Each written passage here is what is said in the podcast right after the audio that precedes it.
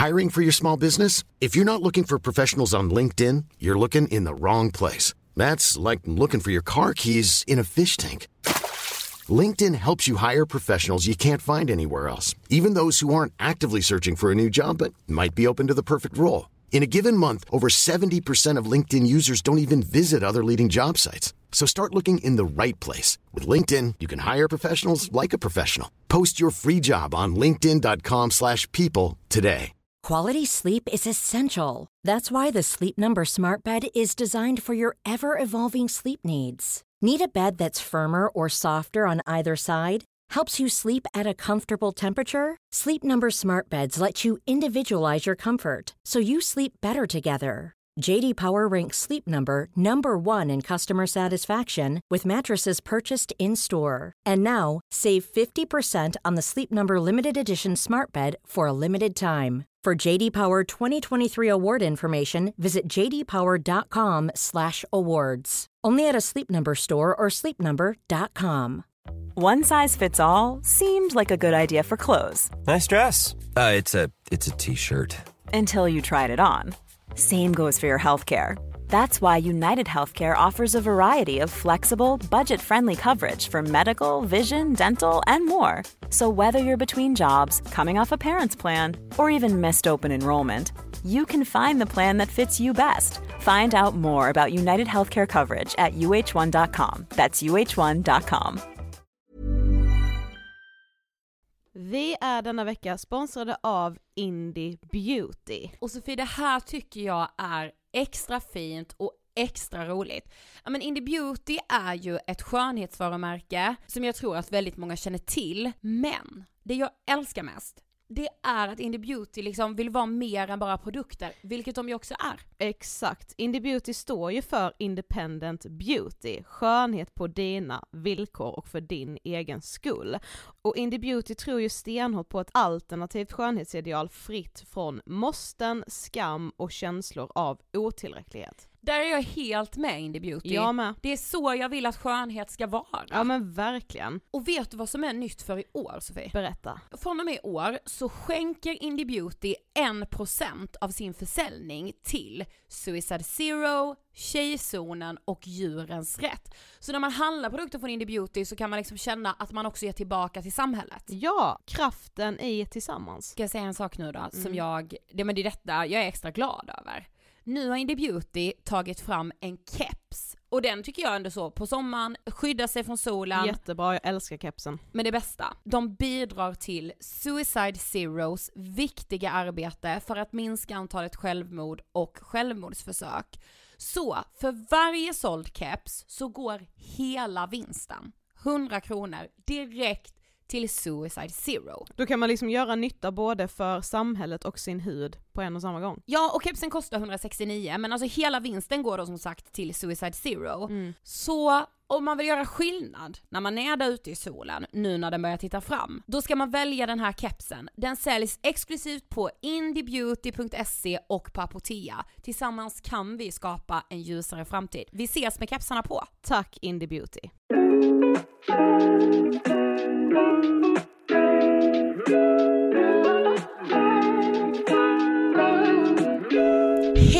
på er! Det är sommar och vi är tillbaka med ytterligare ett bonusavsnitt som är sponsrat av Multium. Det är vi! Och Multium är ju som sagt produkter som behandlar de vanligaste intimbesvären som vi kvinnor lider av. Dessutom helt veganska produkter. Intimhälsa, det är ett, ett ord som jag liksom verkligen har tagit till mig nu. Gud ja, jag också. Vet du vad jag faktiskt tänkte på? Idag ska vi liksom prata lite mer om just hela tabut kring att ens prata om de här ämnena. Varför, Intimbesvär. varför det känns så himla himla jobbigt. Mm. Så jag tänkte fråga dig, eh, vad, vad kallar du din Min, Ja men nu, jag säger ju eh, mutta säger jag idag. okej. Eh, men när jag var liten Ja. sa jag hönan. Hönan, Ja. jag sa kissan. För Ja. jag tyckte att man kissar ju med den. Ja, Så då tyckte jag kissan. jag fattar verkligen inte var hönan kommer ifrån. Det Nej. var bara mamma som sa hönapönan, alltså Ja, nej men mamma och pappa, eh, vi sa det när jag var liten, alltså om jag liksom så, då sa jag kissan. Ja. Och så sa de också det. Mm. Eh, jag vet inte Har det huruvida varit det du var... som satte den? Jag tror det. Ja, okej. Mm. Alltså, eller jag, ja, jag har liksom en bild, för jag tyckte att sen jag kissade med den så då kan jag kalla den för det tror jag. ja.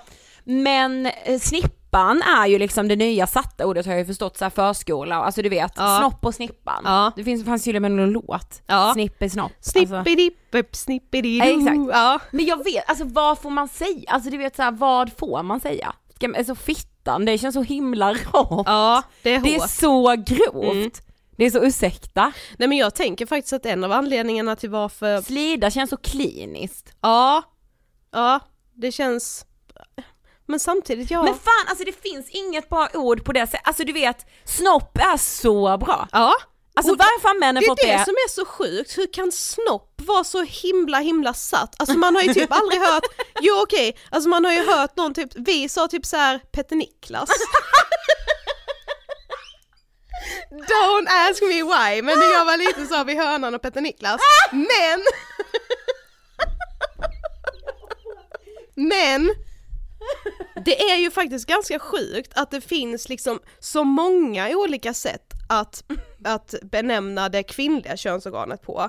Men så här, snopp är så himla satt. Ja men det är så, kuk är ju med ganska satt. Ja, Gud, Också det ganska blir rått dock och hårt. Ja, det är så rått. ja. Men, men samtidigt, jag, alltså, jag tycker typ snippa är ett bra ord. Ja, Låter väl liksom, mm. det låter inte rått eller hårt eller argt. nej Det, precis. det är bara vad det är, en snippa. ja, Som men vi jag, ska ta hand om och om vi vill, alltså, Mm. eller jag tar hand om såklart om, om den inte mår bra så vill man ju det men så här, Mm. den behöver ju liksom inte lukta hallon eller liksom sådär. nej men jag tänker liksom att en av anledningarna till varför det är så jobbigt och också liksom svårt att prata om det här är ju just för att man inte har de här satta namnen, man Mm. säger typ så här down there, jag har lite problem down there. Ja men Alltså, ja, jag vet, Mm. att så här, där nere, sen samtidigt fattar man ju, ja, jag vet inte vad jag tycker men jag tycker, alltså det är bra nu så typ, jag tänker så förskola att det finns så snopp, snippa.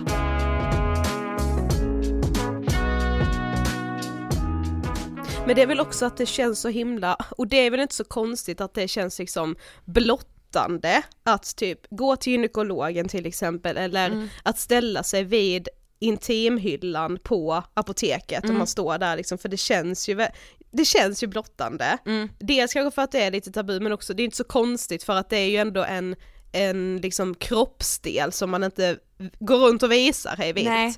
Eh, men jag, om jag bara tänker på liksom hur pass tabu det här har känts för mig, så som jag berättade om förra veckan så, alltså jag hade en svampinfektion som var liksom helt sinnessjuk Ja. för några år sedan.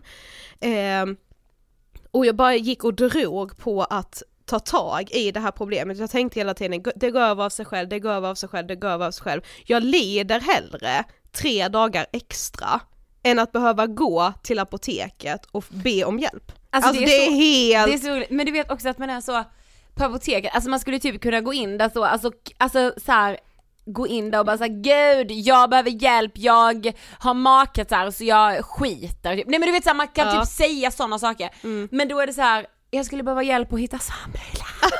Precis. Jag har lite svamp. Alltså, ja. Det vågar man, alltså Eller nej, varför? det är ju inte ens jag har svamp utan man bara, jag tror jag kanske har lite.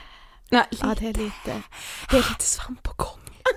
Det är liksom, Alltså man vågar, det är som så Voldemort ja typ. precis. Men du vet alltså, jag tror dels att det handlar om att man har så lite, lite kunskap, Mm. så den enda fördomen man har är att det skulle hänga ihop med att man är ohygienisk på något ja, sätt. ja, ja, ja. Men liksom den här kunskaps, liksom luckan, gud vad vi fyller den nu med multigyn. Ja, Visst gör vi det? och alltså multigyn har ju fyllt den kunskapsluckan hos mig, vilket känns så Exakt. extremt skönt. Och hur skönt är det att veta att så här, alla har besvär någon gång i sitt liv. Ja, Alltså det är ju så här, en kvinna som bara nej jag har aldrig haft någonting. mm. Man bara, jag tror det, jag tror du har det.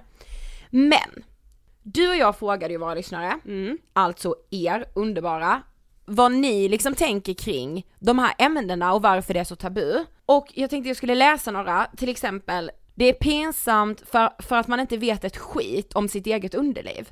Och det där tyckte jag var typ så talande, att bara så här, gud sexualkunskapen eller så här biologin borde ju också bara foka på sådana vanliga saker saker. Precis. Alltså jag minns ju de här bi- skräckbilderna man fick se på så här, ah, så här kan det se ut om man får Kondylom var det ju. Ja precis, och så här, ja det är klart att folk drabbas av det, men det är ju vanligare att kvinnor får en svampinfektion. Det är ju det som är det sjuka, vi har ju hoppat över det som är så extremt vanligt och som alla kommer gå igenom. Man pratade liksom, eller vi i alla fall på vår sån sexualundervisning, det var ju liksom sex och så och samtycke, ja nej inte så mycket samtycke, inte nej det var det samtycke. inte, men det är det nu.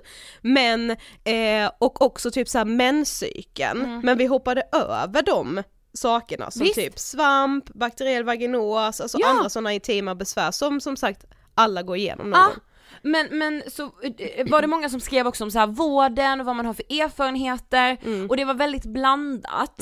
Så jag tänkte, det var en som skrev så här att det ofta kan komma tillbaka och att man ofta inte blir lyssnad på av hälso och sjukvården. Och det var många som delade den bilden, men sen var det också, jag bara tar ett exempel, många som skrev en skriver så här, tänker på ett läkarbesök jag hade gällande detta och hur lyhörd hon jag var hos var. Hon bekräftade min oro. Så att jag tror också att kunskapen verkar vara liksom inom vården ganska så Ja men, Spretig, ja, men spretig. Någon som dock har väldigt mycket kunskap och som vi är väldigt glada att vi fick prata med är gynekologen Rebecka. Ja. Okej Rebecka, nu är du ju tillbaka hos oss, välkommen. Tack så mycket. Men, men nu tänker vi så här, alltså du som är gynekolog, varför tror du att man skäms så mycket för underlivsbesvär och allt som egentligen rör den intima hälsan?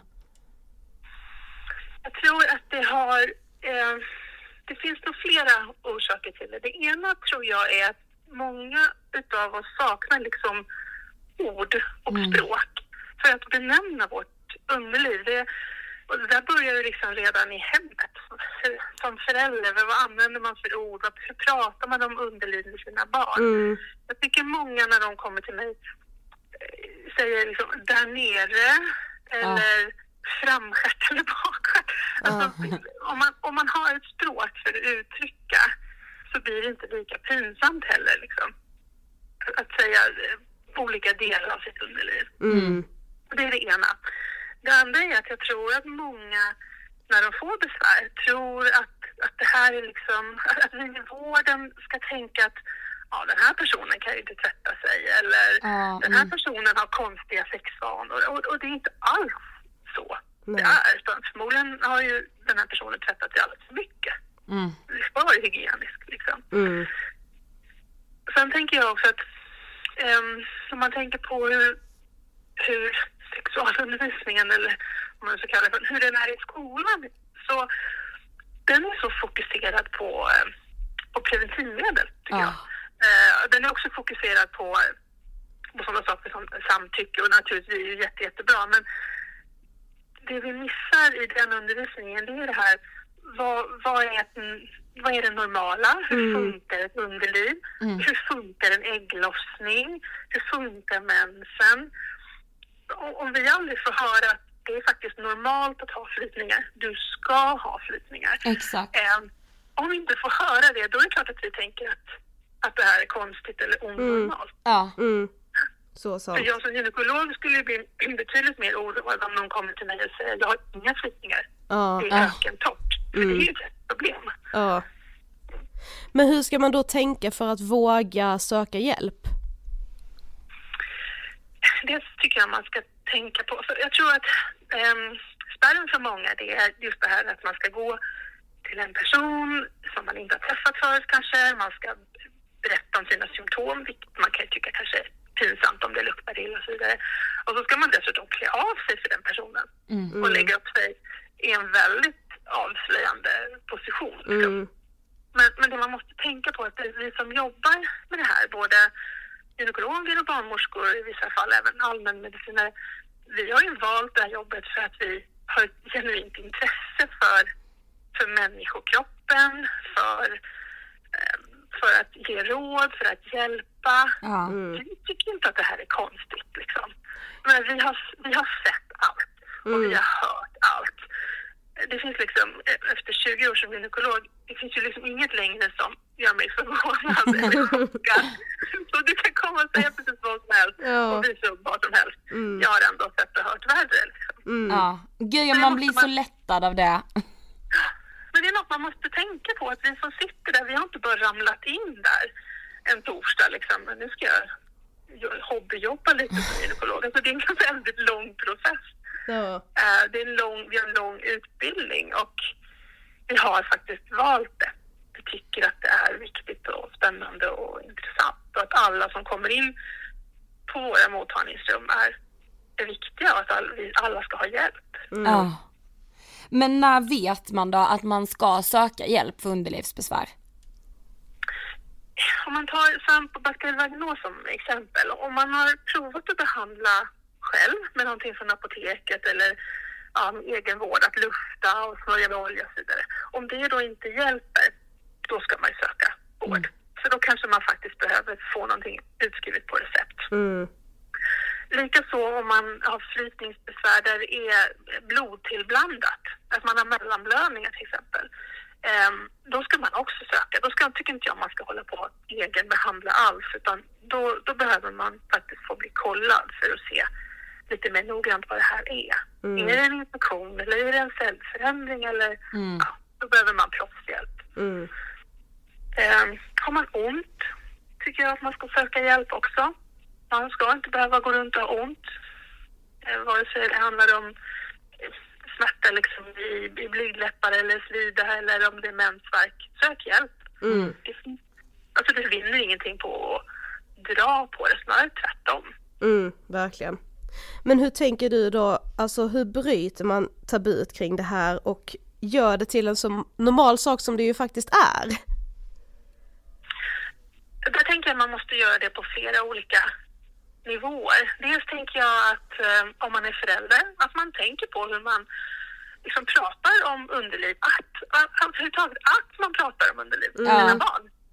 Ehm, både med flickor och pojkar. Och att, att man liksom talar om, eh, ja, man ska inte tvätta med två eller det är bra om du sover utan trosor. Att man, att man också sätter namn på på liksom, kroppsdelar. Sen kan man ju välja vilket namn man vill, det man känner sig bekväm med. Men att det finns ett ord, att det inte bara är där nere. Mm, exakt. Utan att man, att man liksom, talar om att den här delen av din kropp är precis lika viktig som dina ögon eller din näsa eller Ja, din hjärna. Exakt. Så det är den ena grejen. Sen tror jag att vi behöver göra om sexualundervisningen i skolan. Mm. Att vi flyttar lite, vi ska inte sluta prata om, om samtycke och om relationer och om preventivmedel, för det behövs också. Men vi behöver prata om det här normala. Mm. Att man, man kommer till ungdomsmottagningen och så kan man allt om preventivmedel men man har ingen aning om hur menscykeln Nej. Exakt. fungerar. Då har man ju tappat det viktigaste tycker jag. Ja. Ja. och det är så sjukt, alltså jag menar jag, vi är 28 år och jag känner ju själv att det finns så mycket som jag fortfarande inte kan. Gud ja.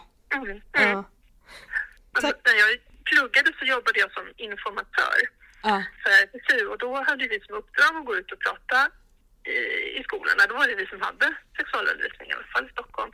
Men det var väldigt mycket fokus på sex, preventivmedel och väldigt lite prat om hur kroppen egentligen fungerar. Ja, precis.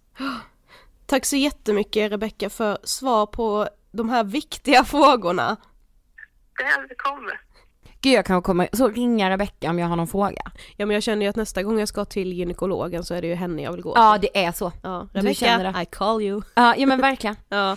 Rebecca har ju också en podcast som heter Babys podcast, Babys med Z och där finns det flera avsnitt om intimvård, om svamp, bakteriell vaginos, you name it. Så in och lyssna och om man vill höra mer. Ja, och känner man att man vill testa någon av Multiljus produkter så Mm. har vi också en rabattkod till er just nu. På Apotek Hjärtat kan ni ange koden Angestpodden20 så får ni 20% rabatt på samtliga Multigyns produkter. Och vill man kanske läsa lite mer om produkterna eller om Multigyn överlag så kan man göra det på deras hemsida som är multi-gyn.se.